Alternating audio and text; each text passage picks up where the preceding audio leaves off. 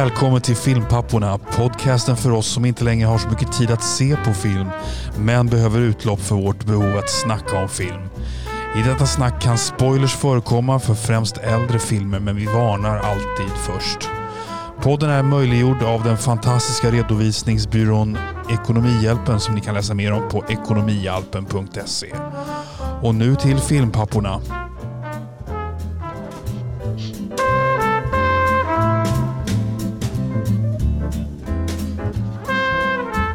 Och här är vi! Tillbaka i etern. Back in black. Indeed we are. Så, eh, filmpapporna här. Får jag presentera min eh, estimerade, höll jag på att säga, min, my esteemed, vad skulle man säga på svenska? Ja, Jag vet inte vad man säger. Min högvärdige kollega Oliver Grassman på andra sidan micken. Ja, och jag säger mig kortfattat, min enastående kollega Robert on the other line. Jag tackar och bockar för den Ja. introduktionen. Vi eh, ska kasta oss över lite nya filmer där. Vi kommer som vanligt eh, börja med lite filmfrågor. Ehm, Mm. Och en lyssnarfråga från Martin där vi ska prata lite om över och underskattade skådespelare. Mm. Jag var tvungen att tänka till lite kring den där. Och, eh, men jag har, jag har en del som jag känner lite passionerat kring. Jag vet inte om det kommer vara revolutionerande. Vi har lite nyheter, inte så mycket nyheter och inte så jättemycket, lite Snyder, men inte så jättemycket Snyder. Mm. Ehm, och sen har vi våra trivialiteter som vanligt innan vi kommer in på veckans eh, recensioner. Där vi har sett ehm, The Midnight Sky med George Clooney och du hade sett, Spotlight. ja just det. Och sen har vi lite påsksläng där också. Mm. Innan vi knyter ihop påsen för dagen. Vi spelar in på påskafton kan man notera. Exakt. Så det kommer vara en, en touch av påsk i alla fall. Inget mastodont påsktema. Det är också så här att det här är avsnitt nummer 49. Så nästa avsnitt blir vårt 50 poddavsnitt Oliver. Härligt. Jag gick faktiskt och tänkte igår på hur många vi var, kan tänkas vara uppe i. Jag hade ingen aning om vad vi låg riktigt. Nej, vi, hade, vi har varierat lite grann. Vårt första avsnitt var ju tre timmar och sen så ska, försökte vi skala ner där. Sen hade vi en period under förra hösten här 2020 där vi körde halvtimmesvarianter i ganska många avsnitt då, tre i veckan. Och nu är vi tillbaka på kring timmen här en gång i veckan. Precis. Känns ganska lagom. Ja, men eh, med det sagt så är det dags för oss att glida in på filmfrågan. Eh, och då ska vi börja med att, eh, att utmana varandra här lite grann. Oliver, jag ställer som Mm. alltid frågan, vill du skjuta först eller vill du bli skjuten först? Uh, skjut du först då. Okej, Mm. då är det så här. Eh, jag, jag snöj in lite grann på det här temat eh, kring Scorsese och Jodie Foster i Taxi Driver den här gången. Taxi Mm. Driver är en film som vi har dragit lite. Vi hade Post Raider förra gången. Och nu är det lite mer, en, lite mer rak fråga där. Eh, jag kan börja med, jag kan mjukstarta här med en liten sidfråga där. Hur gammal var Jodie Foster när hon spelade in Taxi Driver? Eh, jag skulle gissa att de var ungefär 12. Helt rätt. 12 är helt rätt. Eh, det är till och med så du kan få en. Är jag bra det här. Ja, ja, men så. Eh, Det var mjuka uppvärmningen där. Men då är det ju så här att då finns det ju lite regler och hon får ju inte vara med och spela in de här lite mera, ja, lite mer explicita scenerna här i filmen. Mhm. Och hur, frågan är då, hur löste de detta? Hur löste de detta? Hon fick ju inte vara med och spela in de lite mer explicita scenerna. Eh, hur löste de detta i filmen? Men alltså det finns, jag, jag, alltså, lite märklig fråga måste jag säga. Men eh, hade hon en body double? Jag menar, hon kan ju bara varit med i de scener hon var med i. Hon, hon hade en body double. Så de tog in en Okej. annan skådespelerska. Vem tog de in? Ehm, ja, det måste ju rimligen vara någon som är typ av var 18-19 då. Var det nog ganska känd eller? Eh, nej, det skulle jag inte vilja säga. Inte direkt känd. Indirekt känd, kanske man kan säga. Nej, jag har faktiskt ingen aning. Det är, de tog in Jodie Fosters äldre syster Connie Foster. Mm. Som var, precis som du sa, 19 när filmen var producerad. Och eh, Okej. de kastade henne då som, eh, precis som du sa, body double. I de De här var så pass lika då i, i, någon slags kroppsfigur eller vad man säger. Tillräckligt Eller? lika, tydligen. Ja. Ja. Intressant. Du, eh, en liten eh, eh, trivia kring den filmen och, och det här explicita.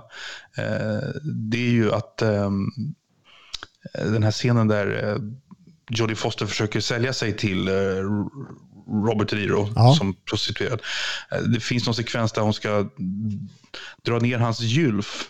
Och jag, tror jag tror att Scorsese tvingades att klippa bort ljudet av gylfen. Att det var tänkt att man skulle höra gylfen men man, inte hör det.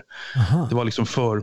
för ja, den är ju, det är ju ganska mycket som är disgusting i den filmen, men det var liksom för disgusting. Det var för mycket. Det, det är USA ett nötskal där. Men eh, gärna sitta och titta på när folk blir händerna avskjutna och allting som vanligt. Ja, men de fick in ganska mycket grova grejer ändå i den där filmen, måste Ja, man säga. Jag tror till och med en toalett som spola. Hashtag Ja, Hitchcock. precis. Ja.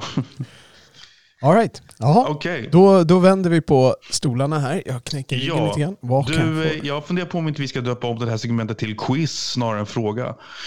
Ja, det, det Ja. är jag som försöker att inte vara så englifierad egentligen. Eh, det är därför jag... Ja, jag. Det, här blir mer än, det här blir ett quiz, det här blir ganska många frågor. Ja. Ja. Mm. Frågor kan vi döpa Det är ju inte, singu, det är ju inte en singulär fråga vi kör med så ofta. Men nu kommer jag här. Eh, jag har läst, läst på ordentligt här för dig Robert. Eh, det här blir ett quiz som du... Eh, du kommer kun- kunna en del, har jag en känsla av. ja. Ganska mycket kommer du inte kunna. Eh, en, en och annan grej tror jag att du kan liksom lista ut med lite, med lite logisk deduktion och din allmänbildning. Vi får se. Mm. Eh, vi ska prata brittisk film. Brittisk film, oj oj. Yes. Eh, och I slutet av 1999 så plockade British Film Institute fram en lista på de 100 bästa brittiska filmerna eh, för 1900-talet. Eh, och då eh, gjorde de en survey med tusen personer från den brittiska film och tv-världen eh, som fick rösta fram de här 100 filmerna som de rankade. Eh, och jag kan säga att det är lite, listan är ganska fair and square. De har då definierat det som 100 filmer that were culturally British. Eh, så att 98 av de här filmerna skulle jag säga är, är brittiska. Men det, det är två filmer eh, som är mer irländska skulle jag säga. Du har My Left Foot Ja eh, och du har filmen The Commitments. ja, just det. Eh, The Commitments är ju regisserad av en engelsk regissör som heter Alan Parker. Ja. Eh, men My Left Foot, lite, det var länge sedan jag såg den. Jag vet inte hur den skulle kunna kvala in som, som engelsk film egentligen. Får Men jag, får, jag bara, ja. får jag ta ett lite klargörande? Kulturellt brittiskt, jag menar Bond är ju... Bond är, kommer att vara med på listan. Okej, så det, Ja. det är kultur, för det är en Hollywood-produktion men det är, det är en brittisk agent, är en brittisk Ja, kontext. ja. Ja, ja, men då, då förstår jag lite tolkningen. Ja. Yes. Ehm, så, ehm, på den här listan då, Mm. The 100 Greatest Films of the nine- 20th Century Ja. i British. Vilken film på denna, eller jag, på denna lista, vilken film tror du är etta? Ja, eh, jag, jag, jag, jag krafsar lite i huvudet och jag, jag vet ju inte. Det känns ju som att man borde tolka Lawrence of Arabia som en eh, brittisk film och eh, jag gissar på att det är den.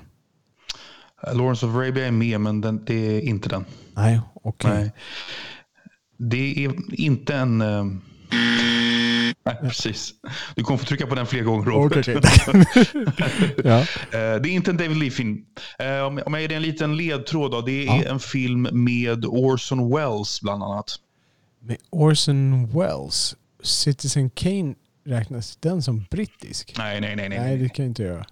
Vad har vi då kvar med Orson Welles som jag kan... va- Vad heter den då? Jag kan ju typ en till eh, som jag nu inte verkar kunna. Alltså, det är en film med Orson Welles i en biroll. Ett eh, spiondrama. Sent 40-tal spelades den in. Du har inte hört talas om det här kanske? Eller? Nej, jag, jag tror... Tredje mannen. Ja, Ja. rätt. Är, är, är, det, är det nummer ett på listan? Den är nummer ett. Okej. Har du sett den? Nej, jag har inte sett den vad jag minns. Eh, Det kan vara så att mamma och pappa satt och tittade på den. Jag såg Ja. någon bit ur men.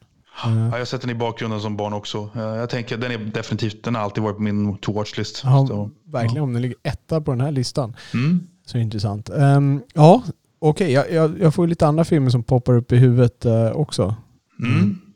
Men vi går vidare. Mhm. Vilken regissör har flest filmer på denna lista? Är det Lee? Du får nog eh, uttala det rätt en gång, Robert. Eh, Okej, vad- vad heter han då som eh, regisserade just Lawrence of Arabia? David Lean. David Lean, okej. Ja. Eh, Han har delat sju filmer på listan. Ja. Eh, och tre i topp fem. Va- Var det rätt alltså? David Lean är rätt, ja. Oj, oj, oj, oj. oj. Yes. Han hade tre i topp fem. Brief Encounter, Lawrence of, Ale- Lawrence of Arabia och Great Expectations. Okej. Så, vilken skådespelare eller skådespelerska är med i flest filmer på denna lista? Oh la la. Och då måste man tänka, det här är 99 alltså. Ehm, och vad heter han då? Jag ser ju han framför mig. Eh, det är inte Michael Caine, för hans film är inte med men vad fasen heter han? Han som, eh, han som syns mest i Lawrence of Arabia, vad heter han? På planschen. Peter O'Toole? Peter Toole. Ja, Peter Toole är mitt svar. Nej. Det är en Star Wars-skådespelare. En Star Wars-skådespelare, det är Al Guinness. Oh yes, Okej. nio filmer. Det var som attans. Ja, vi har ju alltså filmer till och med 90-talet med på den här listan. Ja. Och då ska du få gissa vilken 90-talsfilm kom högst upp på listan. Um, kan... Ja. ehm, Den kom på en tionde plats. Jag var ganska, ganska lite förvånad faktiskt. Okej. Det finns ju något kostymdrama med Daniel Day-Lewis som känns brittiskt som inte är Scorsese-filmen. Jag tror jag vet vilken film du menar. Okej, jag är ute och cyklar i alla fall. Är det Room with a View du tänker på där han har en liten roll eller? Nej. Det var, det var inte Room with a View jag tänkte på, men det var en av filmerna. Jag, jag visste inte att Room with a View, det är väl inte 90-tal? Nej, det är 80-tal. Ja, det är 80-tal. Ja, precis. För jag, det, jag tänkte, det tänkte jag som en av filmerna som antagligen var med på listan. Men eh, eh, nej, det är inte Room with a View jag tänker på. Men, men eh, uppenbarligen är jag ute och cyklar så jag ger mig själv en. Vad, vad är det för film? kom, vilka 90-talsfilmer kommer du på? Gissa någon Alltså, nu här. Ja men herregud, jag, du vet brittisk film. Jag, oh, ehm, jag, jag, du vet, dels är jag kass på årtal och dels är jag inte en stark på brittisk film. Jag har inte ens ett alternativ. Jag, jag kan lite 80-talsfilmer där. Jag, jag tänkte på Chariots of Fire sådär. Eh, Mm. Kanske är med där någonstans. Jag tänker inte på att den är med i topp 10 kanske, men i alla fall topp 20. Nej, jag, jag, jag drar helt blankt alltså. Okej. Trainspotting på tionde plats. Trainspotting, ja just Mm. det. Ja det måste jag erkänna, den är jag förvånad också. Ehm, Ja. ja. Vä- väldigt bra film, men jag tycker inte... Jag, vet, jag, blev förvånad. Jag tänkte det är inte Ja. riktigt en sån film som kommer så högt upp på något sätt. Eh, Chariots of Fire som du nämnde, det är den bäst rankade 80-talsfilmen. Den kom på en 18 plats. Jaha okej. Ja, Ja. Topp 20 då alltså. Ja. Ehm, ja, sen kommer vi in på James Bond-filmer. Åh härligt, nu kanske Yes, jag kan leverera. nu jävlar får du äga här. Ehm, två James Bond-filmer är med på den här listan. Vilka två filmer? Goldfinger Ja? och eh, From Russia with Love. Nej? Nej! Vart var jag med? Samtidigt. Alright, så okej, så det är inte From Russia with Love. Det Nej. kan ju inte vara Dr. No. Ehm, det är lite för simpelt att slänga in Dr. No. Det är ju inledande. Men om det inte är dem, vilken jäkel får de in då? De kan ju inte ta någon Roger Moore. Um, och Dalton kan de inte ta heller där. Det finns ju ingen. Det måste ju vara en Connery. You only live twice? Nej, det är Dr. No Det faktiskt. är Dr. No. Ja, då var det bara Mm. kvar. Ja. Det är väl, eh, den, den sätter ju tonen för allting på något sätt. Den är ju pionjären, för man, det är väl därför den kvalar in kanske. Säger jag som inte har sett den. Ja, det, den har ju en cool eh, inledningsscen och det är ju...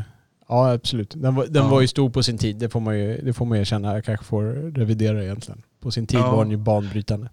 Ja. Eh, Dr. No kom på 41 plats Ja. och Goldfinger på 70 plats. Okej. Ja. Eh, sen har jag en fråga till här. Eh, vad hette mannen som regisserade Dr. No? Ja, det här vet jag egentligen. Ja, det här vet jag egentligen. Uh, brr. Um, mamazita. Uh, ge mig första bokstaven. T. Trevor Noah. Ge mig andra bokstaven. E. Ge mig, ge mig ledtråd. Terrence Mm, ja. Ja, Gustafsson. Ja. Nej. Terence Hill. Nej, jag vet inte. Ja, Terrence Young. Terence Young. Ja, just det. Ja.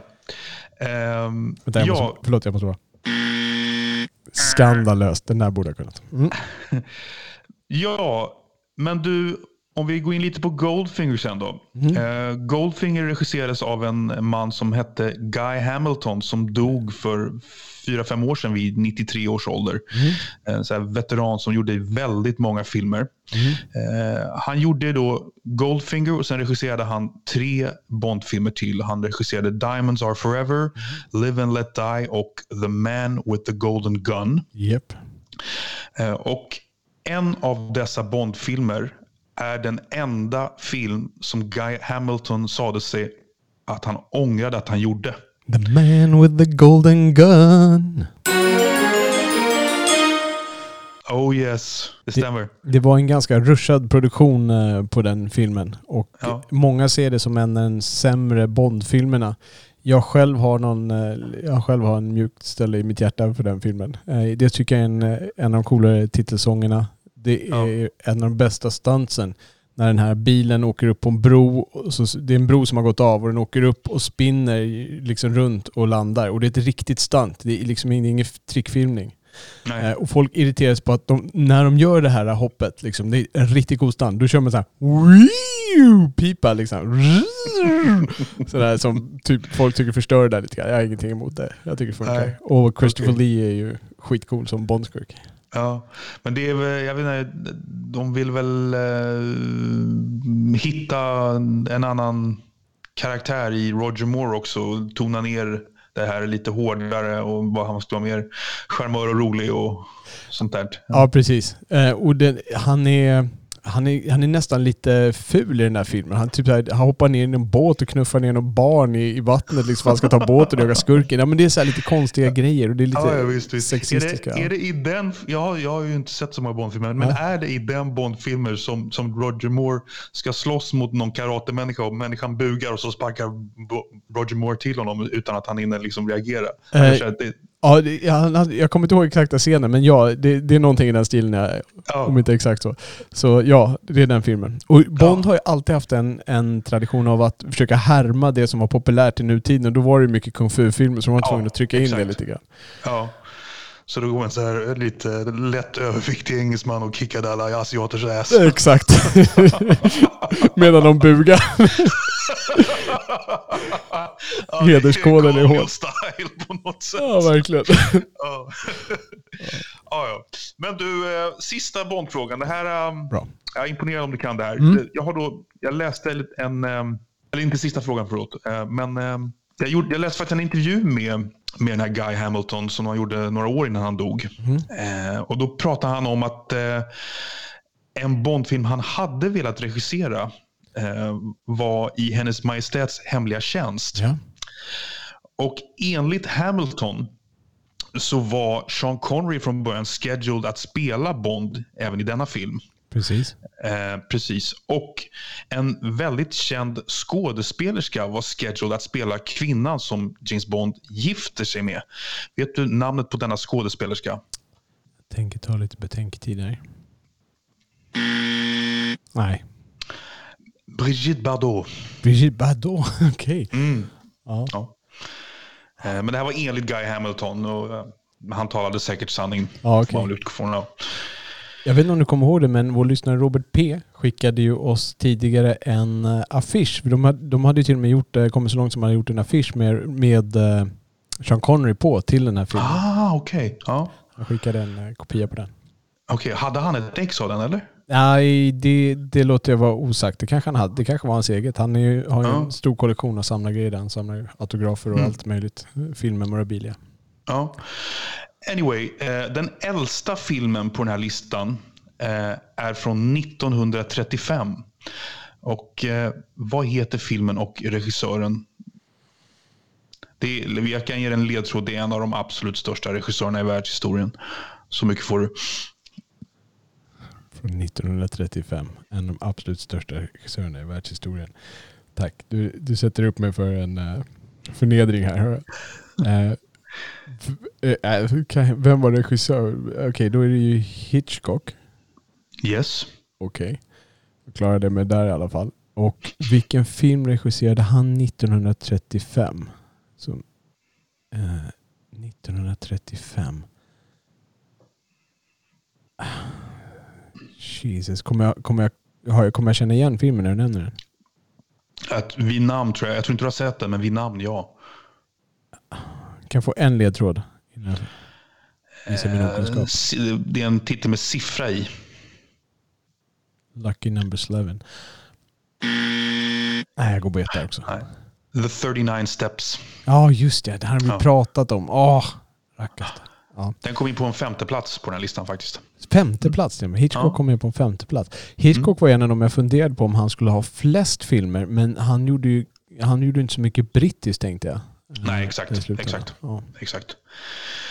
Ehm, du, din uh, husgud av acting, Daniel Day-Lewis, han kommer inte in förrän på en femtionde plats i sammanhanget. femtionde.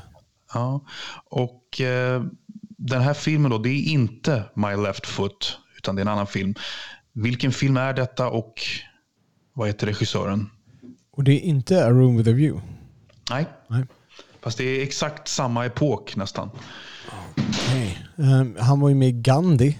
Ehm, men det är den brittiska, ja den är väl ganska brittisk. på något Ja, ja visst. Är han med där? han, han har väldigt liten roll i den. Okej, ja, nej, här har han en huvudroll. Okej, här har han en huvudroll.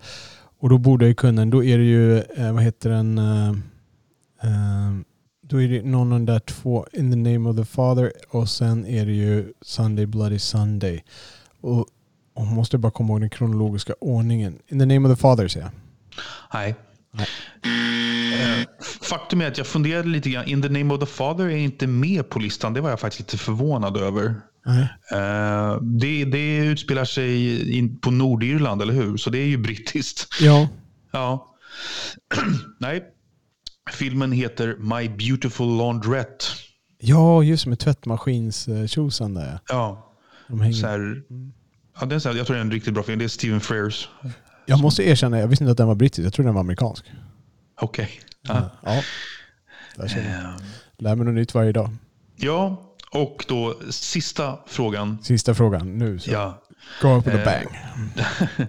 Så Danny Day-Lewis han inte in först på en 50 plats. Eh, och han har en rockstjärna två platser ovan, ovanför sig i rankingen.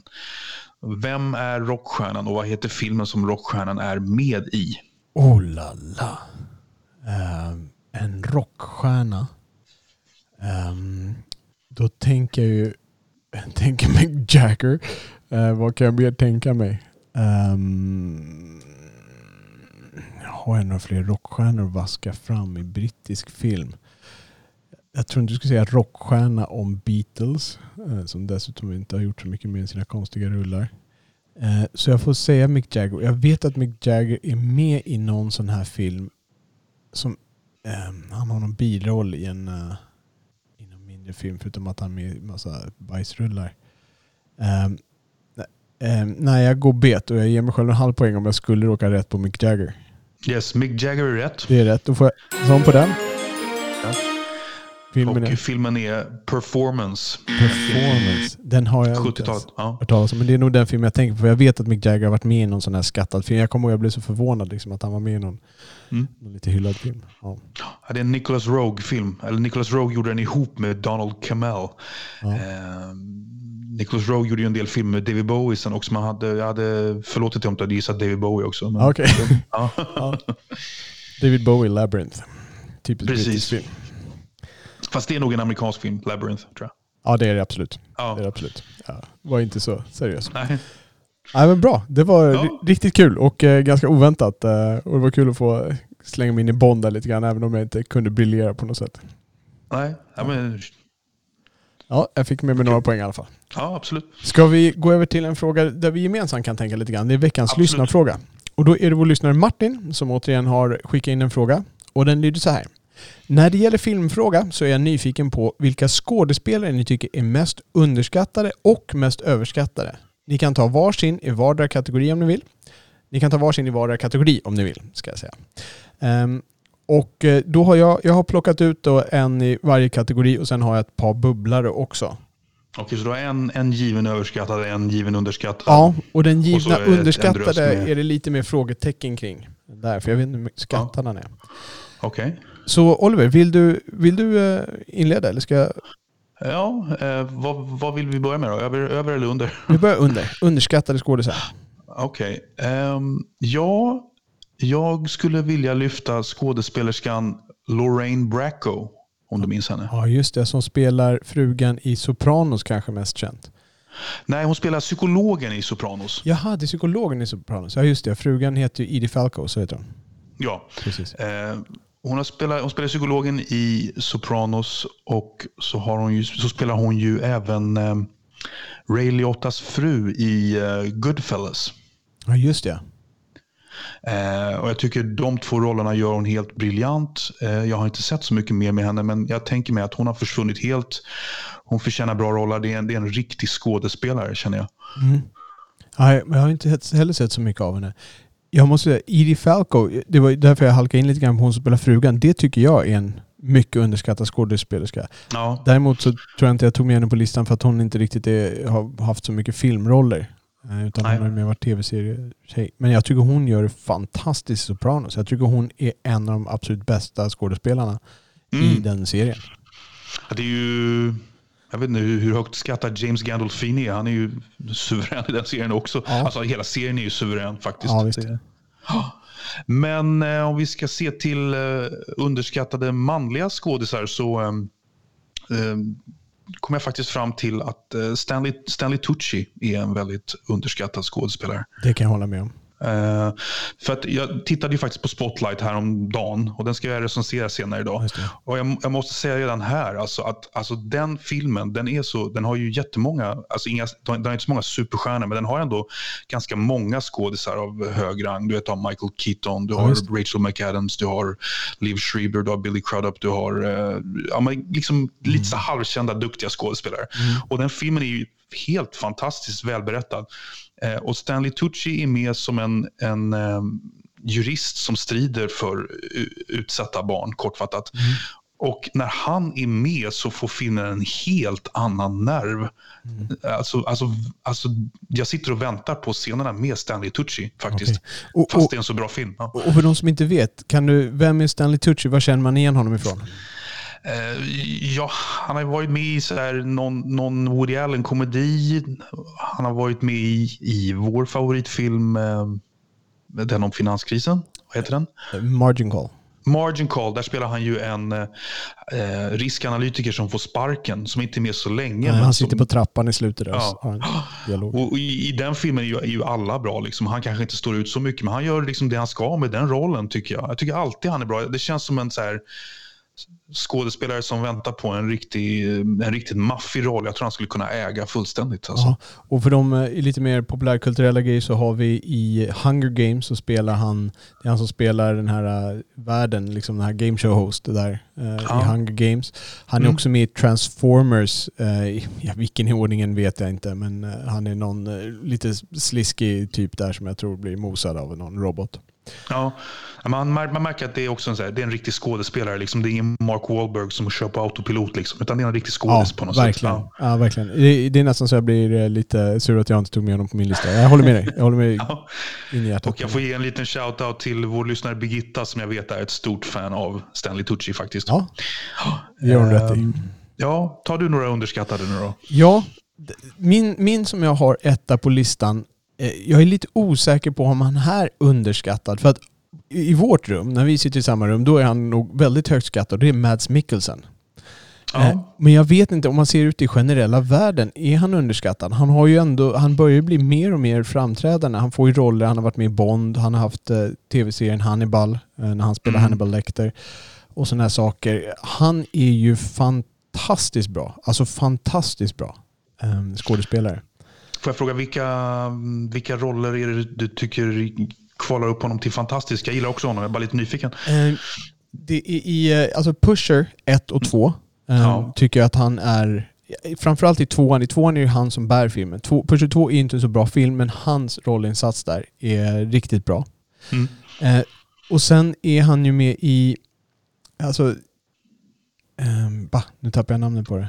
Um, sen gör han ju roller som lite mera, så här, ja, men som i Bond-filmen då, Casino Royale, Daniel mm. Craigs första film så gör han den rollen väldigt bra. Där är det ju inte så djupt skådespeleri men han, han skapar liksom, han kan, han, så liksom, han kan både spela liksom det här med lite mer djup och känsla och melodrama men han kan också göra en, liksom en bondskurk med, av, av kött och blod och liksom som, som fyller upp det här, liksom fyller upp den kostymen. Så jag, jag tycker han har en väldig bredd som han mm. Eh, visar på där. Ja, eh, Nej, men han, är väl, han är ju en gigant i sitt hemland liksom, och eh, kanske inte så stor utomlands fortfarande. Jag, jag, förstår, jag får inget riktigt grepp om hur stor han är. Eh, för utöver Bond och Hannibal har han gjort något mer man har sett honom i utomlands, utanför Danmark. Ja, han, han har ju biroller i en massa filmer. Nu snubblar jag lite grann på att, eh, på att hitta dem i mitt huvud. Han, han spelar ju en arktisk, eh, så här, så ska till Nordpolen, vad, vad nu heter, en verklig historia. Ja. Ehm. Men han, eh, alltså i så lite, lite så finkulturella europeiska sammanhang så skulle jag tro att han är ganska skattad. Jag menar, ja. den här filmen eh, Jakten till exempel blev ju väldigt hyllad, där han spelar huvudrollen och, ja, och så. Ja, men, nej, men jag är nog beredd att hålla med att eh, amerikanerna vet nog inte riktigt hur bra han är än. Nej, precis. Han har inte fått något riktigt amerikanskt drama att briljera i. Annars lite bubblare jag har, Paul Giamatti tänker jag där tycker jag att han har, eh, han har mer än, än um, han egentligen får, får beröm för.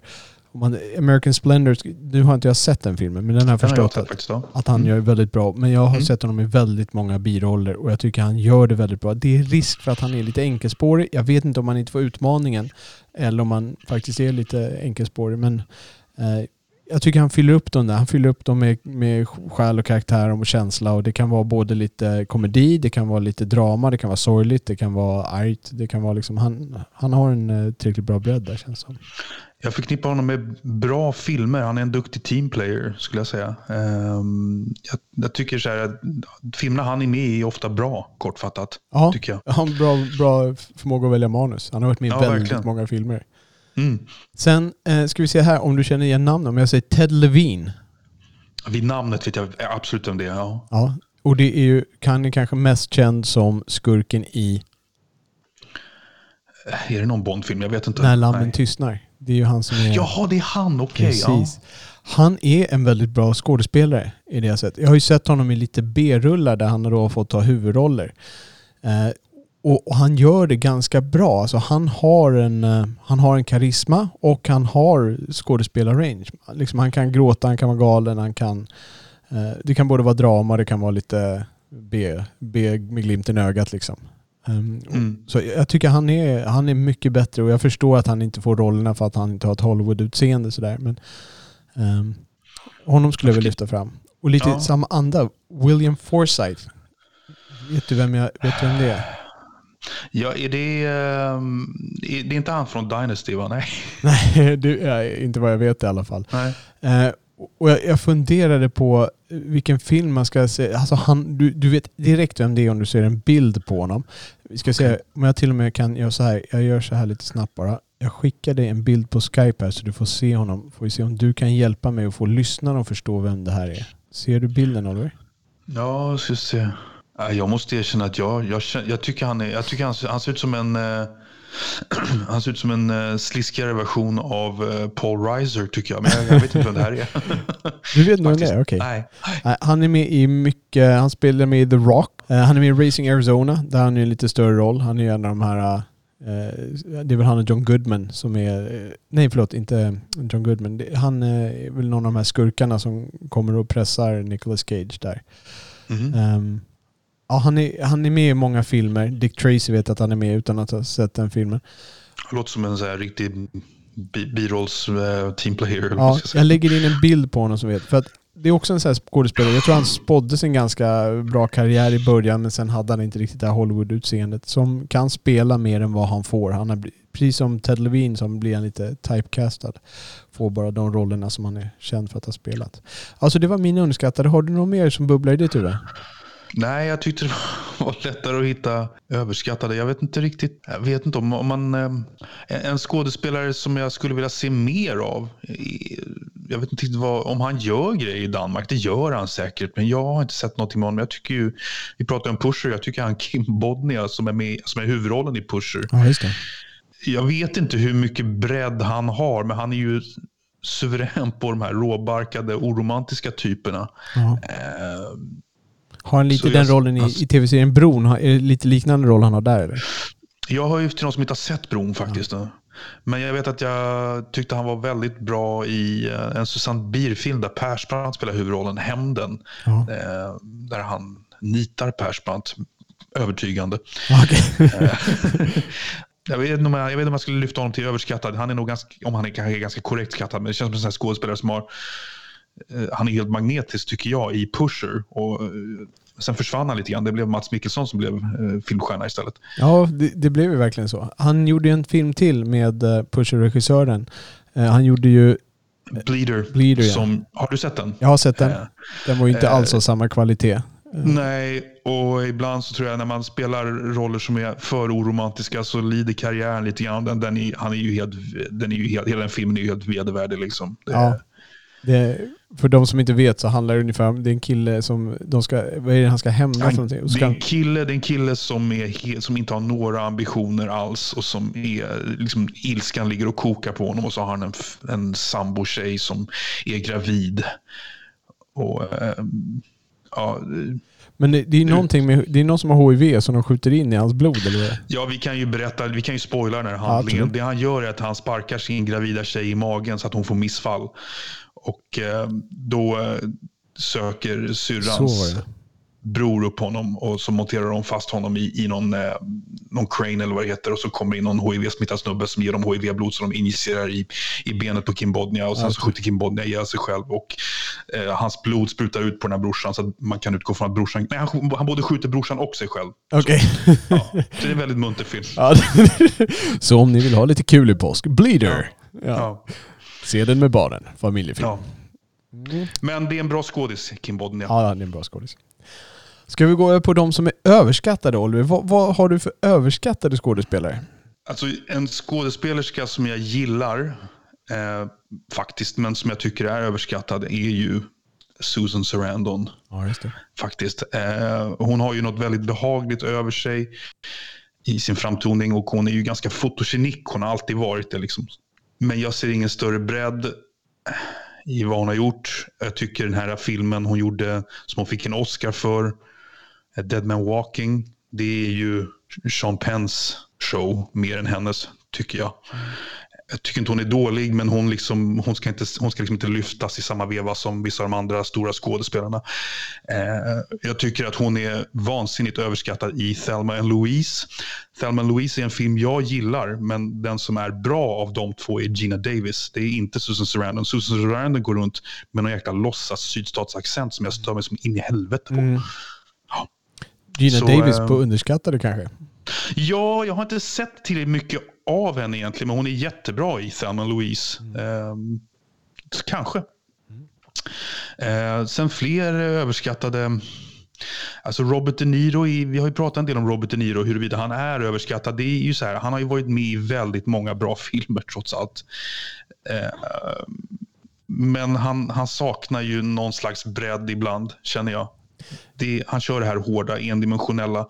Och jag tittade faktiskt på en scen i en film eh, som heter The Last Tycoon. Har du hört talas om den? Nej, jag har hört talas om den har jag, men Ja, det är Elia Kazans sista film. Den handlar om en filmmagnat eh, på 20-30-talet som spelas av Robert De Niro. Och det är den enda filmen som Robert De Niro har gjort ihop med Jack Nicholson. Aha. Jack Nicholson gör en liten roll där och det är liksom ett möte mellan dem i, i rummet. Jag, så här, jag har inte sett filmen i övrigt, jag har bara sett den här scenen.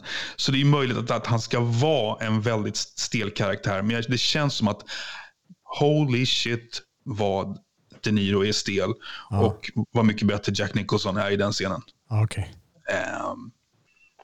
Hur- Så att, vad, hur känner du inför De Niro? Jag vet att det här är ju... Jag, jag, är ju inte ensam om att ha insett detta, att han är överskattad. Det känns som att ganska många har pratat med det här i takt med alla dåliga filmer han har gjort och, och så vidare. Ja, jag, kan, eh, jag kan hålla med om att man kan ifrågasätta hans bredd. Men jag, han har ju samtidigt gjort väldigt bra karaktärer. Alltså Tax Driver, Raging Bull Ja, ja. eh, är ju fantastiska. Raging Bull är, håller jag ju extremt högt skattad. Ja, ja. Och- och hans Det känns som att du, du eh, De Niro fick ett rejält lyft i dina ögon när du såg Raging Bull, eller hur? Ja, jag, jag hade ju honom ganska högt på Taxi Driver och jag, Gudfadern, eh, Gudfadern 2, alltså det, jag, jag tycker inte han gör något magnifikt där, men han, han fyller absolut de skorna. Men, men, ja, Jag inbillar, mig, förlåt, jag inbillar mig att han, har, att han pratar dålig italienska i Gudfadern 2. Faktiskt. Det låter inte helt naturligt när han pratar italienska. Det låter inte som att han har självförtroende när han pratar italienska. Nej. Eh, men mer, ja, jag kommer säkert på något mer på vägen, men det är väl de två jag kommer fram till mest nu. F- Ja. Får jag bara ställa en följdfråga då? Al Pacino och Robert De Niro, deras karriär tycks ju vara lite ihop. Tycker du att Al Pacino är en bättre skådespelare än Robert De Niro?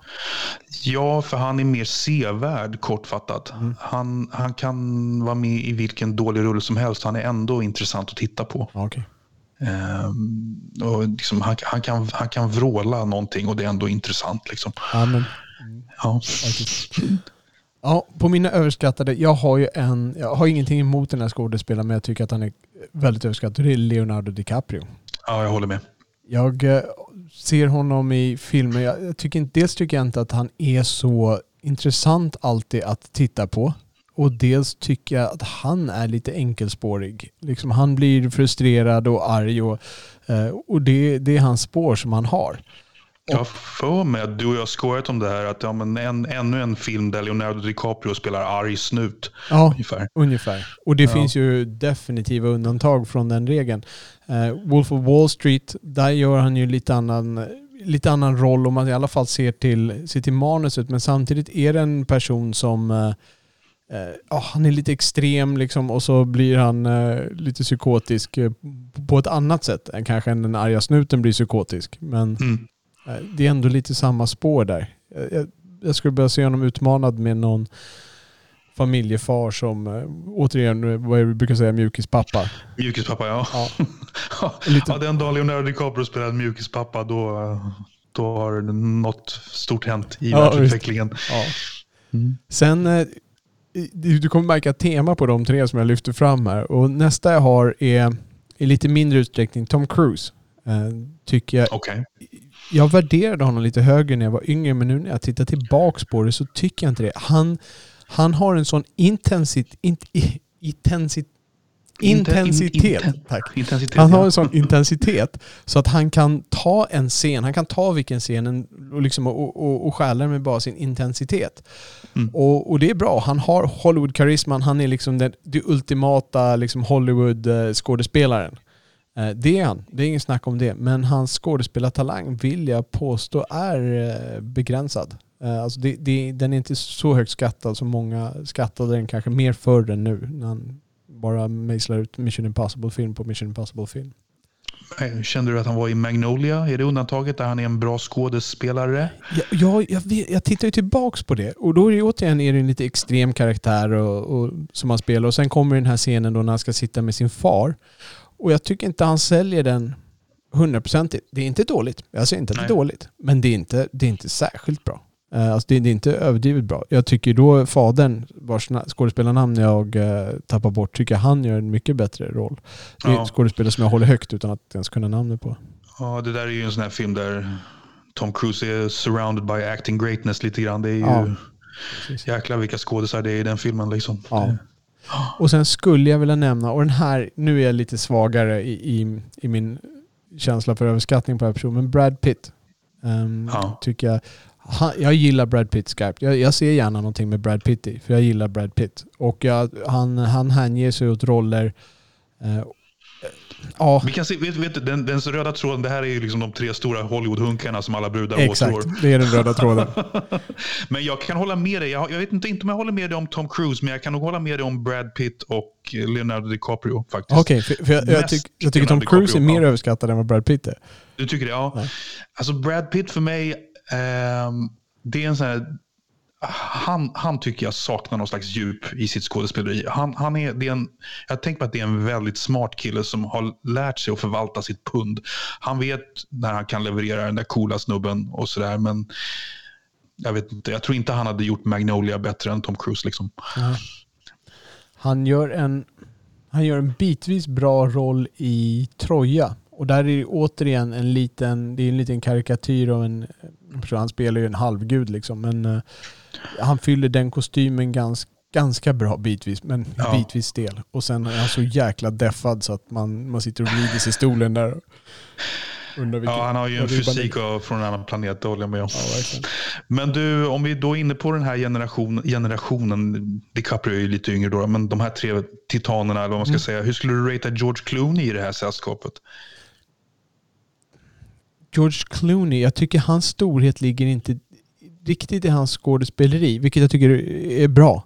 Och vi kommer ju prata lite mer om George Clooney senare idag i min eh, recension här av The Midnight Sky, som han också har regisserat. Jag, jag tycker George Clooneys storhet ligger i historieberättandet, där han fyller en bra del i historieberättandet utan att uh, briljera med Ja. fantastiska skådespelartalanger. Ja, lite som Matt Damon också. Kanske man skulle kunna säga. Ja, ja nej, men jag, jag hör vad du säger, absolut. Ehm, ja, men interesting. Ja. Mm. Ska vi med det tacka vår lyssnare Martin.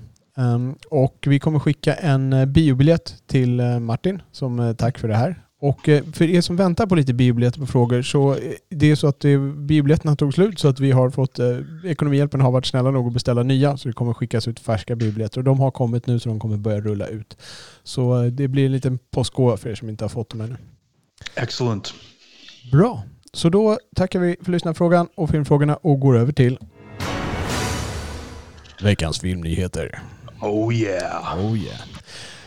Det var en nyhet som jag slängde över till dig som jag tänkte om du ville, ville lyfta fram. Men du slängde den tillbaks till mig och det var det här om en, em, det var en eh, dokumentärfilmare som använde skådespelare. Jag tänkte att det här var dokumentärfilm var ju helt i din gränd. Men Eh, det var en tysk dokumentärfilmregissör som hette Elke Lehrenkraus som hade gjort en film om prostituerade kvinnor i Tyskland eh, som heter Lovemobile. Och den hade blivit prisad och hyllad. Eh, sen visade det sig dock att hon hade använt skådespelare i den här. Och eh, vissa tyckte att det här borde juryn ha anat för den är väldigt snyggt ljussatt och det, liksom, och det var väldigt fängslande berättelser. Men de eh, hade tydligen skjutit undan sitt tvivel och hyllat den här filmen ändå. Det jag tänkte fråga dig... så, det som hände sen var att någon hade genomskådat det och då hade hon eh, gett tillbaka pengarna och Exakt. skämts lite. Då fick ja. hon ge tillbaka det här eh, priset. Och där är liksom lite grann gränsen mellan eh, dokumentär och... Var, var, var drar man gränsen liksom? Jag vet inte, jag, jag kommer att tänka på ehm, Stefan Jarl. Han gjorde den här Mods-trilogin. Har du sett något av dem? Eller? Nej, det vet jag inte. Tror det. Kenta och Stoffe. Men där vet jag att eh, han, man har uppmärksammat att han liksom fick sina subjekt att, att spela vissa scener. De var inte skådespelare utan det här var dokumentär om dem. men- Men för att liksom förstärka vissa grejer så fick de spela grejer. Och, Fick den samma typ av kritik? jag tror han har fått ganska mycket kritik. Jag tror han både har fått kritik och liksom har, har lyfts som lite banbrytande eller vad man ska säga. Eh, att, det är ju diskutabelt måste jag säga. Och jag, jag kan väl, jag kan själv, jag vet inte riktigt vilken stor man ska sätta på för att på, på någonstans är det egentligen bara semantik för att du kan ju berätta, det en dokumentär gör är att de berättar en historia men de tar avstamp i lite mera här visar vi verkliga verkligheten medan en film kan ju också berätta samma historia fast man tar in skådespelare och, och berättar en historia om en, om en industri eller om personer eller om en ort liksom eller någonting sånt Mm. där. Så att man kan ju ge samma budskap liksom i olika paket. Och, och här är det någon sorts hybrid som jag förstår utan att ha sett den här.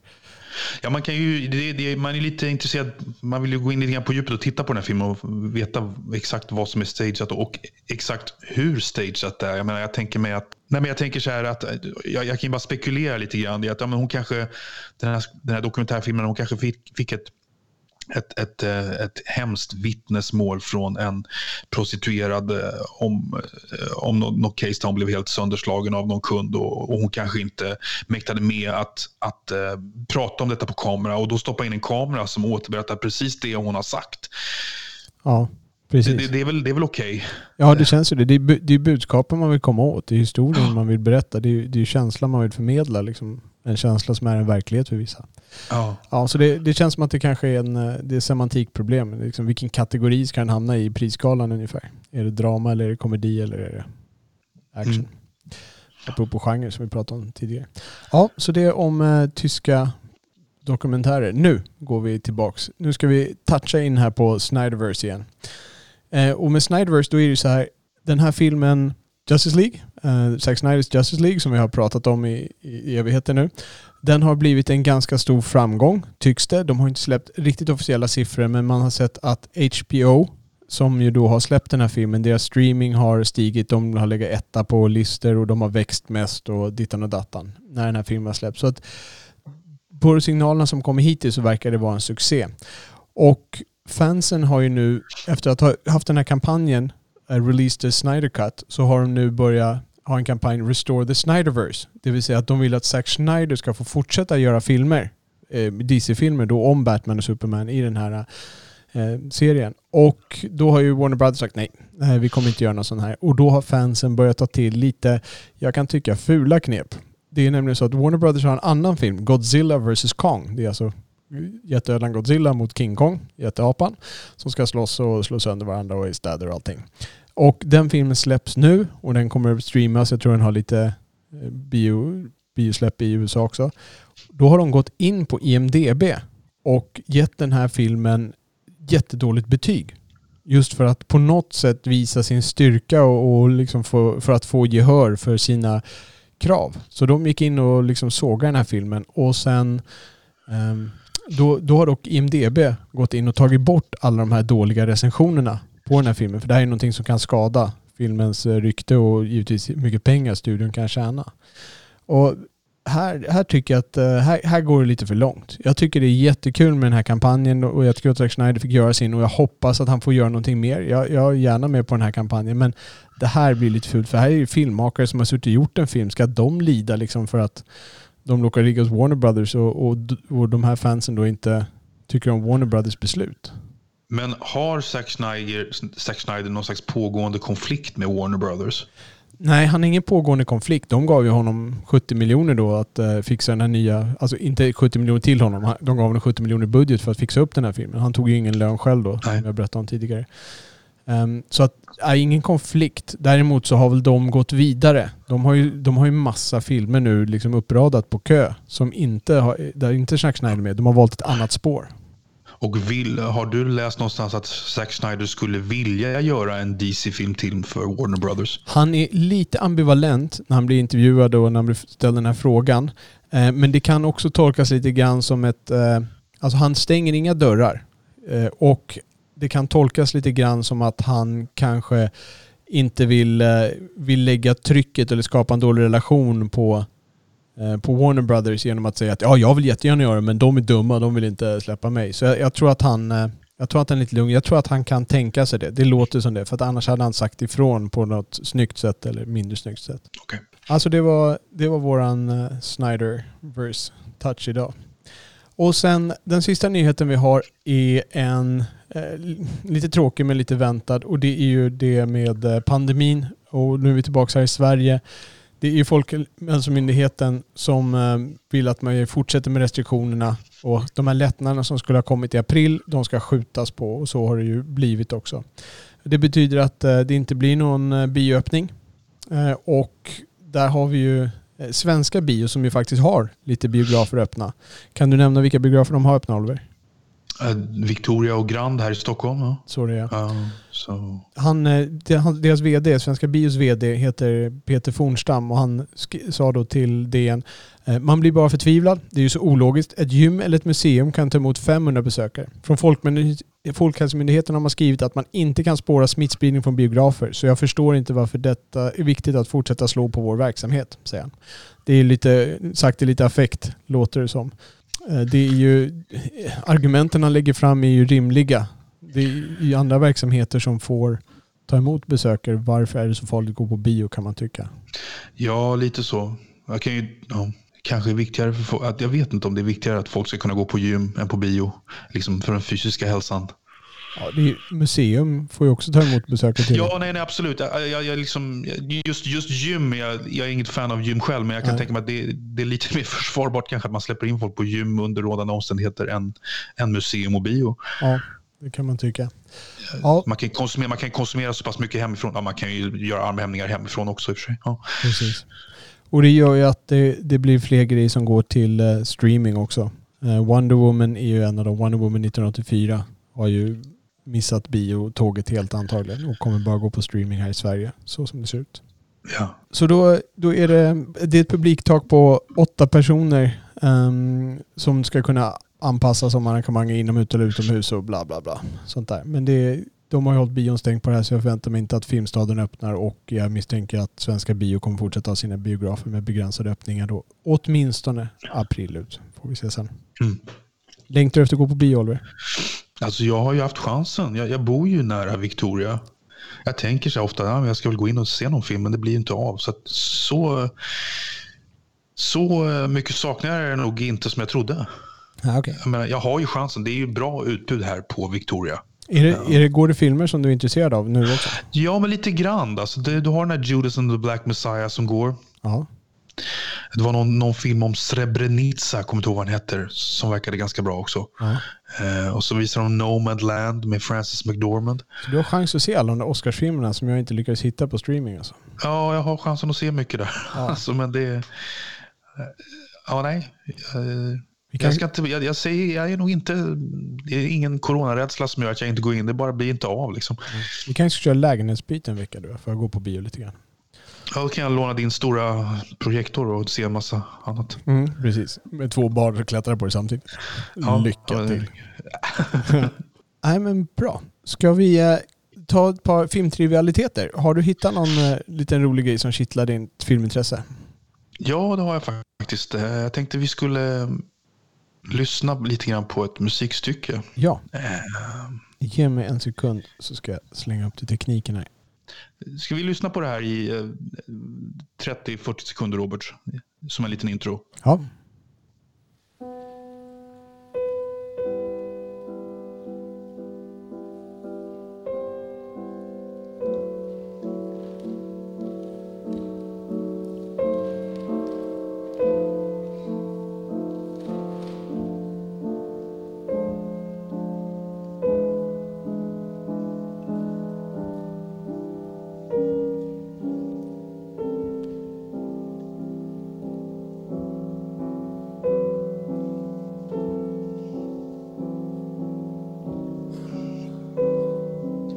Vad är det vi lyssnar på Oliver? Det är Prelude, opus 28 nummer 4 i E-moll av Chopin. Chopin, okej. Vil- Det här, jag, måste säga att jag, jag tycker att jag känner igen det men jag kan inte placera det i någon film och det känns eh, generiskt, det är kanske lite elakt sagt, men det, det känns som en så generisk pianoslinga som kan förekomma i många...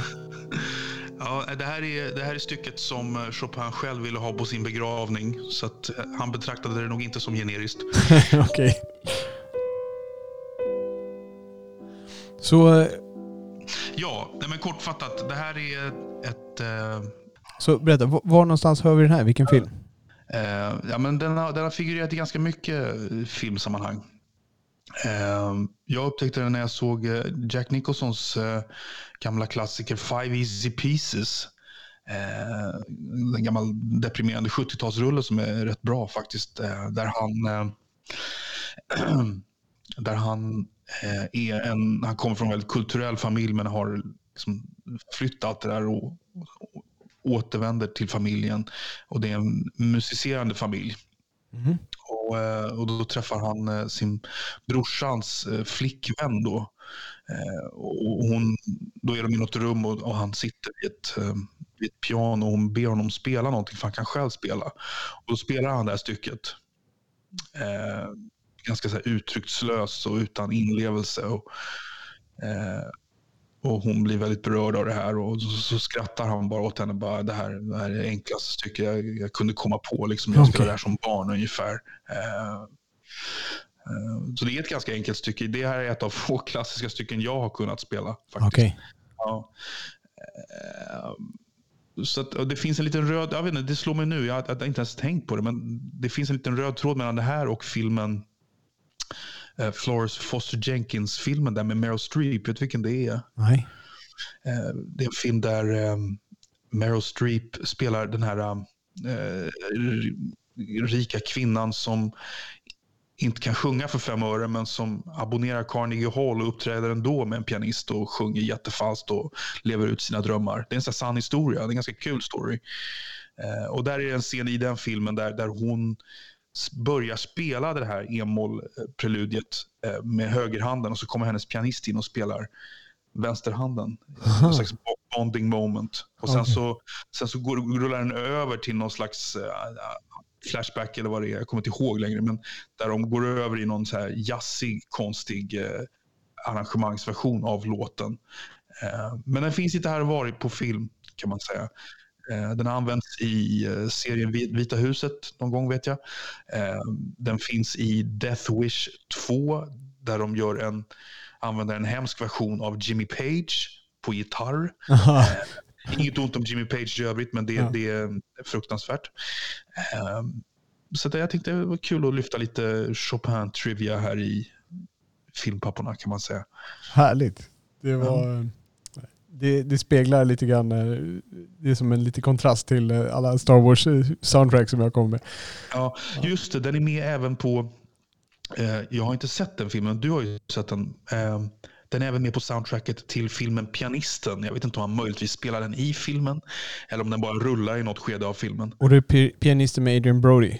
Ja, exakt. exakt. Okay. Ja. Jag, kan, jag har ju sett filmen men jag har inte memorerat vilka Chopin-stycken som spelades när var här, tyvärr. Nej. Ja, ja nej, vad har du för trivia? Jo, jag, eh, det var ju så här när jag satt och sökte, jag hade ju tidigare hade en filmfråga till dig där om uh, Taxi Driver och när jag satt och läste lite på det här så hittade jag en detalj här och jag är alltid intresserad av ekonomin i filmer. Och då får man tänka så här nu, Robert De Niro, när han spelade in den här filmen, då hade han inte så mycket på sin resumé. Han hade i stort sett Mean Streets. Det var hans största framgång vid det tillfället. Han var Gud, Gudfadern 2? Nej, inte när han skrev under. Um, okay. Utan han höll på då att spela in den när han eh, skrev under eh, kontraktet. Så den hade inte släppts ännu. Eh, så att den enda filmen han hade på bio när han skrev under kontraktet för Tax Driver, det var i stort sett Mean Street. Sen har han en massa mindre roller sen tidigare, men ingenting som har varit något framstående. Men precis som du nämner så kommer ju då Gudfadern 2 och den filmen släpps innan man börjar inspelningen av Taxi Driver. Så De Niro har alltså signat ett kontrakt och han har signat ett kontrakt på 35 000 dollar. Och det här är alltså 1975 kanske han har signat det här, 1973, 74 eller någonting sådär. Så han har signat då för att spela in Taxi Driver. Och eh, så 35 000 dollar, det är ju ingen dålig lön där. Men han får ju stor framgång med Gudfadern 2, det är Oscarsnominering eh, och det är um, det, det gör att studion börjar svettas lite grann och undrar eh, liksom, vad kommer hända nu? De gör sig ganska beredda på att uh, nu kommer Robert De Niro försvinna. För att nu är han ett stort namn. Han kommer inte vilja göra den här rullen för 35 000 utan de kommer ju överösa honom med mycket större erbjudanden. Men det gjorde han inte. Utan han, uh, han hedrade sitt, uh, sitt ursprungliga avtal. Så att filmen kunde bli gjord och Scorsese fick igenom sin vision. Var det här någonting som du kände till? Alltså jag visste inte riktigt att det var så att han hade liksom skrivit på innan, innan Gudfadern 2 kom ut. Det visste Nej. jag faktiskt inte. Men jag har liksom hört att han, att han liksom valde det här fram. Storyn jag har hört är väl att han, att han valde den här filmen framför massa stora erbjudanden eh, i, i pengar kan man ja, säga. Just det. Så, ja. Precis, för det, det, var ju det. Jag skulle säga att jag sa att han var nominerad för Oscar. Han vann ju den Oscarn också. Liksom, att plötsligt var han en Oscars-nominerad ja. Eh, skådespelare. Liksom. Oscars-vinnare. Mm. Oj, förlåt. Ja. Nej, men alltså, det, alltså Taxi Driver, det, det är ju en independent film. Visst är det? Mm. Alltså, mm, inte lika independent som... Ja, det finns grejer som är ännu mer independent, men den är förhållandevis independent. Jag menar, eh, jag har för mig att filmen som eh, Scorsese gjorde innan det, Alice doesn't live here anymore, ja. eh, var mer Hollywood och mer budget än, än Taxi Driver, ja, kortfattat. Och, och, nu ser man ju tillbaka på det här med, med när man ser Scorsese och De Niro och Jodie Foster som stjärnor, men då existerar de ju knappt på någons radar. De Niro hade ju precis blivit en blipp tack vare Gudfadern 2. Scorsese tror jag, även Alice Doesn't Live Here Anymore, det var väl ingen jättestor succé där heller, utan det var väl en film bland många på bion där. Ja, eh, absolut. Den, den gav väl, jag tror jag att den gav Ellen Burstyn en, en Oscar eh, för huvudrollen där. Ja, det var faktiskt. Ja. ja. Men visst, och, och, det är ju fantastiskt att Bernard Herrmann ställde upp också, filmmusikern. Ja, Så- Sånt där är ju lite intressant när man tittar tillbaka. Man tänker liksom de här stora filmkompositörerna och ser vilka filmer de faktiskt har gjort i början och vilka de har valt att arbeta med. Det kan tyckas lite konstigt. Så som till exempel när John Williams går in och gör Hajen 2. Det kändes lite udda nu när man ser tillbaka honom med de ögon man har på John Williams idag. Där han kan välja och vraka och få miljoner för att bara vara med på alla största grejerna. Liksom. Men sen är väl grejen också att jag tror det, det är ju inte så många som får välja och vraka i den där branschen överhuvudtaget kan jag tänka mig. Liksom, det handlar om att hoppa på ett jobb här och nu eller vänta ett halvår. Liksom. Absolut. Lite så. så. Och man ser James Warner är ett jättestort namn. Han får göra ganska många halvdassiga rullar för att fylla... Han fick, ska jag säga. Han lever inte längre. Han fick göra ganska många halvdassiga rullar för att fylla ut plånboken. Ja, visst. Ja. Ja, nej, så det var min eh, trivialitet. Då stänger vi trivialiteterna och glider över till veckans recensioner och rekommendationer. Ja. Oliver, du har sett en film. Ja, jag såg eh, ehm, Spotlight från 2015. Mm. Eh, Jag minns när den gick på bio att jag hade tänkt gå och se den men det blev inte av. Men jag tog mig samman och, och såg den via, på Viaplay faktiskt. Okej, vad handlar Spotlight om? Jo, det är alltså based on a true story. Det handlar alltså om ett grävande journalistteam på tidningen Boston Globe. Eh, och det här är år 2001 som de eh, bestämmer sig för att eh, de får en ny chefredaktör eh, som stenhårt driver agendan att ni ska eh, gräva upp eh, pedofilinätverken inom den katolska kyrkan, kortfattat skulle man kunna säga. Eh, och eh, ledaren för det här eh, grävteamet spelas då av Michael Keaton och i det här teamet så har han eh, en journalist som spelas av Mark Ruffalo, en journalist som spelas av Rachel McAdams och sen har du någon lite mer renodlad research-snubbe som jag uppfattar det som någon skådis jag inte kände igen där. Eh, och de, det, det här är en film på två timmar och tio minuter som alltså verkligen, verkligen skiljar, skiljer, eh, skildrar eh, journalistarbetet i detalj med hur de får liksom gå till rådhuset och begära ut offentliga handlingar som inte finns och allt vad det är. Eh, Fantastiskt bra verkligen. Eh, och så har du då Stanley Tucci är ju skådespelaren jag vill titta mest på i den här filmen. Ja, som vi nämnde Han tidigare. är, ja, som jag nämnde tidigare. Han är en, eh, en eh, jurist som liksom jobbar stenhårt för de här utsatta barnen som har drabbats över åren. En av, en av ganska många, ehm, en av några jurister som förekommer i filmen kan man säga. Eh, Så filmen, men det- det- det händelsen, liksom- ja. förlåt, händelsen i filmen utspelar sig 2001. När, när var filmen ifrån? När var filmen inspelad? Eller när släpps den? 2015. 2015. Och den, liksom, ja, och den tittar upp, den tittar upp den här um, gruppen då, de, de kartlägger pedofili till mm, way back till mitten på 70-talet. Och det är lite intressant för att den utspelar sig på 2001 och eh, de har då vävt in eh, 9-11 där de liksom blir tvungna att ta ett break från sitt jobb för att alla ska jobba med 9-11. Eh, och så. Så de får göra en paus på så här två månader eller vad det är för att bara Ja. rapportera om det. Så det är väldigt realistiskt allting. Och, eh, den, den är så otroligt skickligt gjord bara Ja. i, i, alla små detaljer. Och det jag tycker är så otroligt kul med den här filmen det är att den här chefredaktören de får, det är alltså en man som heter Martin Barron. Eh, och han eh, gick, blev senare chefredaktör för Washington Post och gick i pension för bara någon månad sedan. Just det. Du känner till hans namn kanske? Ja. Eh, Ja, jag känner till att han gick i pension här för en månad sedan. Jag skulle inte Ja. komma ihåg namnet på rak arm, men jag känner till men- han, var, han kom in som ny chefredaktör på Boston Globe i den här vändan. Och det var han som drev ganska stenhårt på att, att, att de liksom skulle slä, släppa de här graph storiesen som de höll på med och satsa på det här. Och det som är så kul är att han är, han framstår, han är gestaltad av Liv Schreiber, en sån här X-Men-skådis tror jag. Eh, Han har, han, har funnit, han har figurerat i X-Men-filmerna, ja. Men, Ja, eh, jag förknippar honom. Jag vet att han har barn med Naomi Watts. Det är ungefär det jag visste om, om honom. Men han kommer in och det han är så här otroligt okarismatisk, humorfri tråkmåns.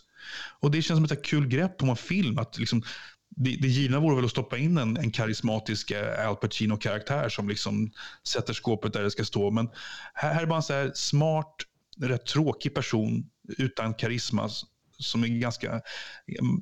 Jag kan tänka mig att man så här, tappar nästan energi i, i den här mannens sällskap. Men han är så smart och rationell och liksom guidar dem i rätt riktning kan ja. man säga. Uh, Lee Schreiber, en underskattad skådespelare. Ja, det kanske det är. Jag har, jag har inte sett honom tidigare, men uh, originellt grepp för en film tycker jag. En Hollywoodfilm. Uh, jag vet inte riktigt vad jag ska säga. Det försöker sätta finger på vad, vad, vad är det som gör den här filmen så bra. Den är ju otroligt har väldigt driv liksom, i, i, jakten på att avslöja allting. Och, och liksom, ju mer de tittar på saker, ju mer kan de avslöja och ju mer blir det en så kamp mot deadlines där, du liksom, där de inser att ja, men, okay, vi, vi kan naila dem på den här nivån men vi måste ju ta, trappa upp det här och naila på ännu högre mm. nivå. Och så blir man liksom rädd för att allting ska rasa för att de går upp på så höga nivåer och så börjar man undra om, om några i deras närhet liksom är eh, inne på konspirationen och allt vad du vill. Ja. Det, det, låter som att filmen fokuserar på det journalistiska hantverket mer än på historien om eh, pedofilin inom katolska kyrkan och ta ställning till den. Ja, det är nog mer fokus på på det journalistiska arbetet. Men sen är det ju några hjärtskärande scener där, där liksom några, några offer är med och väldigt bra gestaltat där de får prata om sina upplevelser. Och, eh, Ja, den känns väldigt realistiskt. Välberättat. Ja. Okay. Har du äh, ämnat, du minns den här filmen eller? Ja, jag minns, eh, jag minns att filmen finns så att säga. Det är en sån här film ja. som man tänkte att det här ska jag se någon gång också. Ja, äh, nej, men det är jättebra. Den hade, hade en 8,1 på IMDB. Ja. Någonting, och jag säger det, det förtjänar att ligga där uppe. Inget snack om saken. Då är den bara strax efter Justice League då, som har 8,2. Okej. Okay. Men bara när du säger skådespel, du säger Michael Keaton, du säger Stanley Tucci, du säger Liv Schreiber, då är jag ombord. Du kan i stort sett sätta in ja. dem i vilken rulle som helst, så kikar jag gärna på den. Ja, ja verkligen. Väldigt väl agerat. Och, eh, Mark Ruffalo, det, det, det, hade lite, det finns ett, ett litet... Eh, jag gillar ju Mark Ruffalo, men han, han, eh, han ska ha något litet, eh, eh, litet Hollywood moment, eller vad man ska säga, som jag tycker man kanske hade kunnat eh, leva utan. Men i övrigt så är jag helt on board med allt i filmen. Och vart såg du, vilken tjänst tog du den här filmen på? Via Play. Via Play, ja. Och jag lägger upp en länk där till Vaudeville så ni kan se vart man kan streama eller hyra den här filmen också, Spotlight. För det här har vi alltså en rekommendation som jag tolkar såklart. Ja, absolut. Ja, vad kul. Jag satte mig ner och såg Eh, The Midnight Sky, en film som jag har haft på min karta att uh, titta på. Och det är nu vi kommer in på George Clooney, som vi nämnde tidigare. Den här filmen är regisserad av George Clooney och George Clooney spelar också, jag vill säga en av huvudrollerna. För att det, det, är, liksom, det är lite två parallella historier som utspelas i det här. Handlingen är att det är någon katastrof som har drabbat uh, jorden. Man får inte reda exakt på vad det är till en början. det, här, det här nästas, nysslas upp lite grann vartefter. efter. Och det börjar med att eh, det är en bas uppe på Nordpolen, eh, Arktis, som håller på att överges. Eh, de håller på att evakuera den. Men George Clooney väljer att stanna kvar. Det visar att han är också sjuk. Han har en sjukdom och kommer dö inom kort.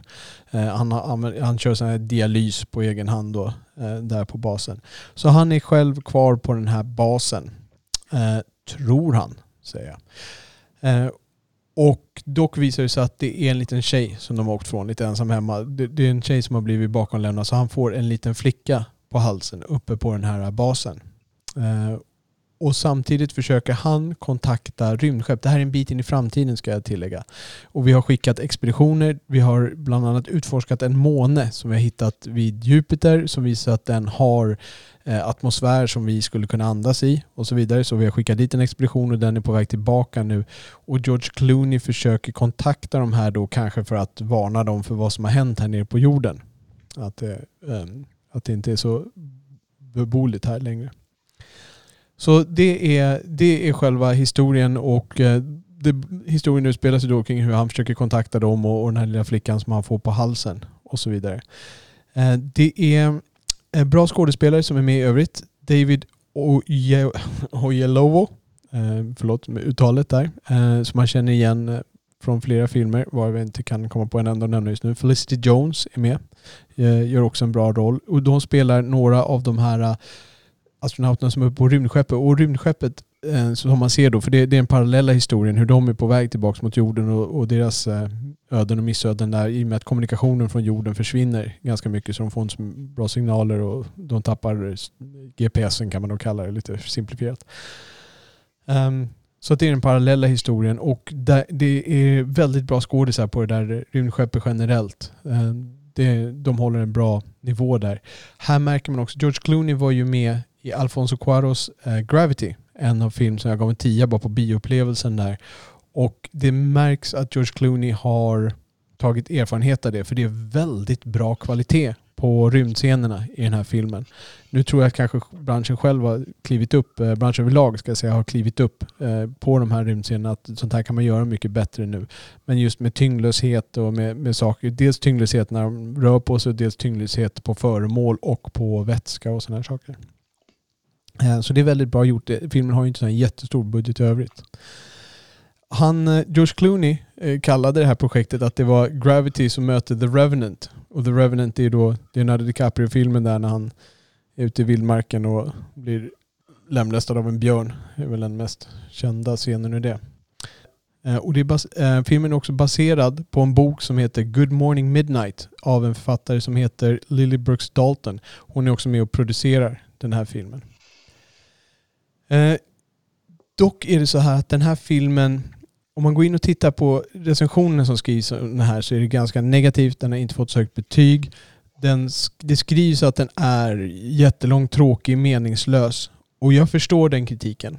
Eh, och jag ser, jag ser lite meningen med den här filmen men de landar de syr inte ihop säcken tillräckligt bra i slutändan. Och jag vill inte spoila den här. Så jag, jag tänker säga två saker. Det är, det är en sak som är ganska uppenbar. Det finns två nivåer. En jätteuppenbar nivå och en, eh, ja, man, man såg det komma nivå ungefär om man är lite mer van. Eh, jag såg den här med min fru och jag, jag, jag smög till henne lite info där innan och som visade sig då stämma i slutändan. Och sen, de kallar i USA pratar man ofta the emotional payoff. De bygger inte upp det tillräckligt bra och får inte till slutet tillräckligt bra. Jag ser precis vad de strävar efter och det är okej. Okay, men de lyckas inte ro det i hamn. Och jag tror att den här filmen, även om jag uppskattar den på en viss nivå, så tror jag att de flesta skulle tycka att den är ganska tråkig och ganska meningslös. Jag, jag kan inte rekommendera den här filmen. Om man gillar om man gillar lite sci-fi, om man är beredd på en dystopi, för det är ingen munterrulle det här liksom. Eh, om man är beredd på, om man gillar sci-fi, man kan ta en dystopi, det är lite mood piece som de återigen säger i USA. Eh, då kan man titta på den här filmen. Den är ganska välgjord, även om de inte knyter ihop den tillräckligt bra på slutet. Så då kan det vara okej, okay. men eh, annars så eh, hoppa över den här filmen. Jag själv skulle vilja likna den här filmen lite grann vid en film med en annan dansk skådespelare som inte är Mads Mikkelsen utan Viggo Mortensen. Som eh, heter The Road. Som också är en ganska dystopisk eh, framtidsvision där. Då är vi dock på jorden, det är lite mer Mad Max Eh, status på jorden. Men den, den är också väldigt eh, deppig och långdragen. Så jag skulle vilja likna den vid den filmen. Om ni uppskattar en film som The Road, då kan ni uppskatta den här filmen. Men de flesta av er hoppar över den här filmen. Eh, den, är, den är verkligen eh, nischad och smal och lyckas inte knyta ihop det tillräckligt bra. Och den heter alltså The Midnight Sky. Så ett av Clooneys mindre lyckade projekt? Ja, ett av Clooneys mindre lyckade projekt. Men som sagt, jag ser vad han siktar efter, men han får inte till det riktigt på slutet. Nej. Gillar du honom som regissör överlag? Har du sett andra grejer du gillar av honom som ja, regissör? Ja, om man säger så här, när jag säger att jag gillar honom som regissör så tänker jag inte så mycket på tekniken som på historieberättande. Alltså han, det känns som att han har ett budskap i sina filmer som jag tycker han får fram. Ja. Um, med det, här, det här är nog undantaget som bekräftar regeln, men det här är också ganska annorlunda för George Clooney. Vanligtvis brukar det vara lite politiska budskap nästintill i alla fall. Eller åtminstone socialmoraliska.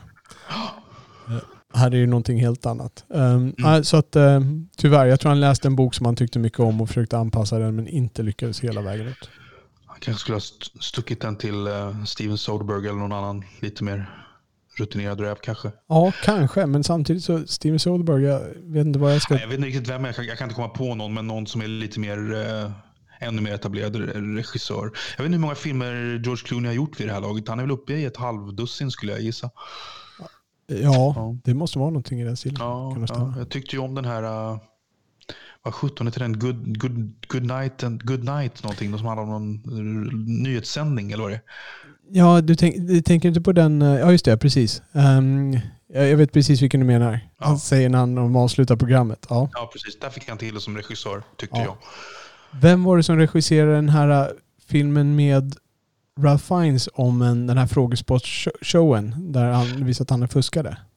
Ja, det är Robert Redford. Robert Redford var det som regisserade den. Så det. Är ju lite Robert Red, det är ju så här, du har ju de här, du, har Robert Redford och Warren Beatty och kanske Clinton som är de här uh, pionjärerna för så här, filmstjärnor som blev lite regissörer. Ja, just det.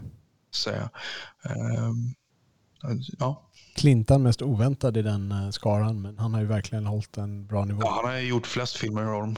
Exakt. Ja. Så det var min recension där. Jag får tyvärr ge en eh, avrekommendation. Eh, då har vi en film kvar Oliver som blir lite hybrid. För det visar att du har sett en film.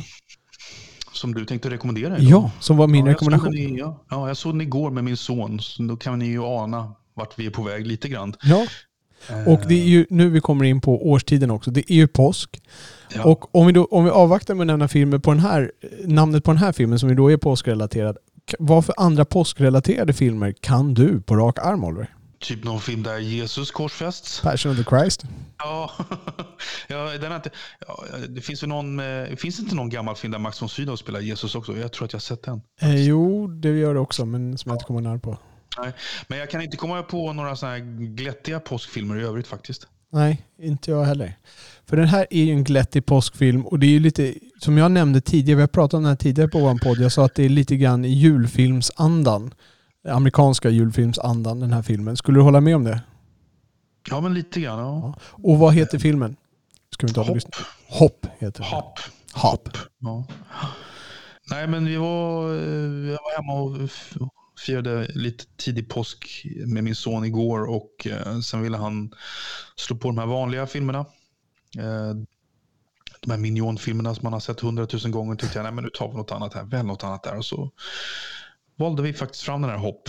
Eh, som är, det är en liten story om en eh, Easter Bunny som eh, flyr från sin lilla hemvist i, på Påskön. Precis, han är sonen till, till påskharen. Just det, så och den blivande arvtagaren då, och den blivande påskharen. Ja. Men han vill ju bli trummis. Han vill bli trummis istället, ja, precis. Ja.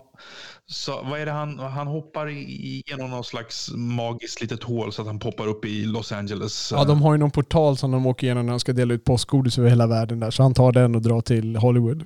Precis. Och sen tar han rygg på en eh, slacker, kan man väl säga att han är, eh, som spelas av James Marston. Som en sån här kille som bor hemma hos sina föräldrar och aldrig får något jobb. Eh, Som nu sitter och- husvakt i ett stor, i en stor villa. Ja, precis. Och jag, vet, jag, ska erkänna att jag, jag, titt, jag tittade bort lite grann. Men jag såg det mesta av filmen. Men, eh, de hjälper varandra lite grann, kan man väl säga, i att hitta sig själva, kortfattat. Precis, så som det brukar vara i sådana här filmer. Och så, ni såg den med svenska röster misstänker jag? Ja, det gjorde vi. Det gjorde Ja. vi. Vet du vem som gör den engelska rösten? Hopps engelska röst? Nej, jag, jag snappade, det enda, de enda stora namnen jag snappade upp det var sådana som var med och agerade. Det var Russell Brand och James Marston. Vem gjorde Hopps röst då? Det är Russell Brand som gör den rösten också.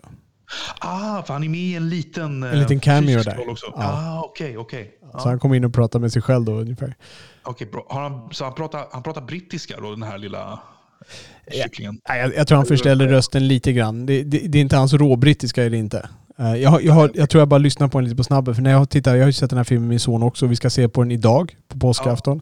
Jag har eh, peggat. Så att eh, jag kommer se den här lite senare idag. Vi, det har ju blivit en tradition hemma hos oss. Och jag har bara lyssnat på den lite grann så jag har sett den med svenska röster också. De svenska rösterna ska jag säga att de är okej.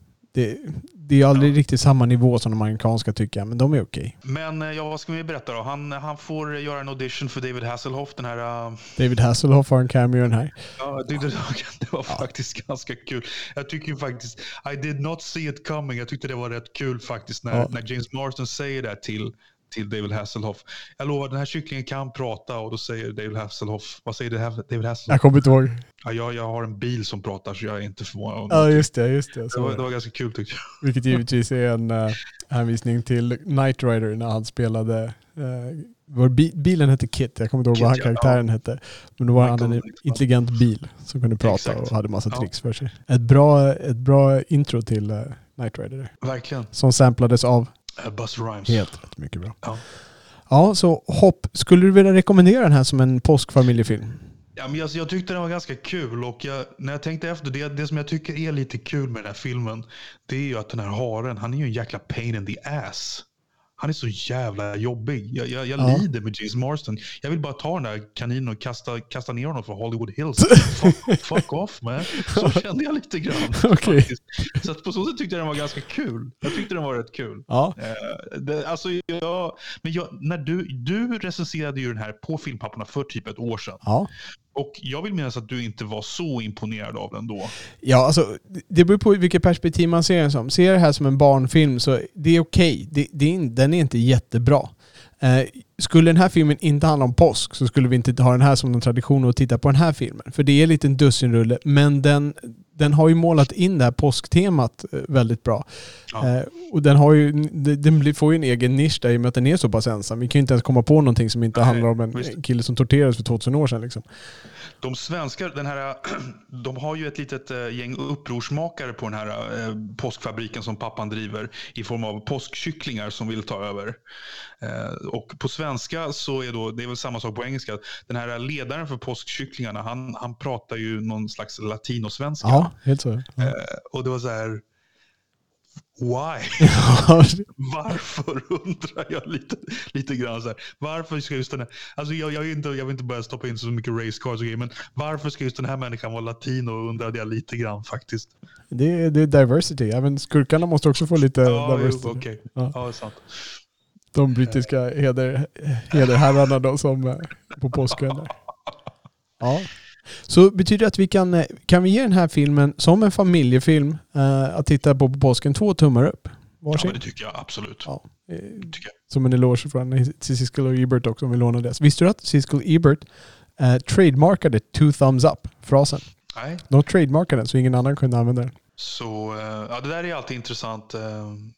Om någon då gör det, då kan de stämma och bli ännu rikare. Precis, så när, när, de, eh, när dödsboet får reda på att eh, vi har suttit här och pratat om det här då kommer, vi, kommer de ta vår, klippa av våra där. Ja. Ja. ja, men det är bra. Då har vi alltså två rekommendationer. Vi har eh, Spotlight som är en vuxenrekommendation. Vi har Hopp som är en familje slash barnrekommendation.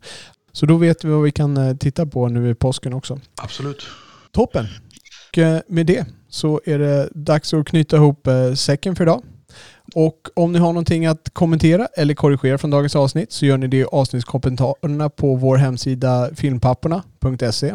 Ni kan också följa oss på Twitter där vi är filmpapporna. Och med det så tackar vi den absolut mest eminenta redovisningsbyrån Ekonomihjälpen som möjliggör denna podd. Och jag tackar dig Oliver. Tack Robert. Då säger vi tack till alla er som har lyssnat också. Det är ni som gör det här kul. Ciao. Tack, hej. Ni har lyssnat på Filmpapporna som släpps var eller varannan vecka. Man kan ladda ner vår podd i alla vanliga poddappar. Ni hittar också våra avsnitt med fulla avsnittsanteckningar, länkar och klipp som vi talat om på vår hemsida filmpapporna.se. Det är där ni lämnar kommentarer till varje avsnitt med era åsikter, beröm, förbättringstips, korrigeringar eller egna anekdoter. Ni kan också följa oss på Twitter, filmpapporna. Och med det så tackar vi redovisningsbyrån Ekonomihjälpen som möjliggjort denna podd och önskar er alla mörka salonger och så salta popcorn. Grrr.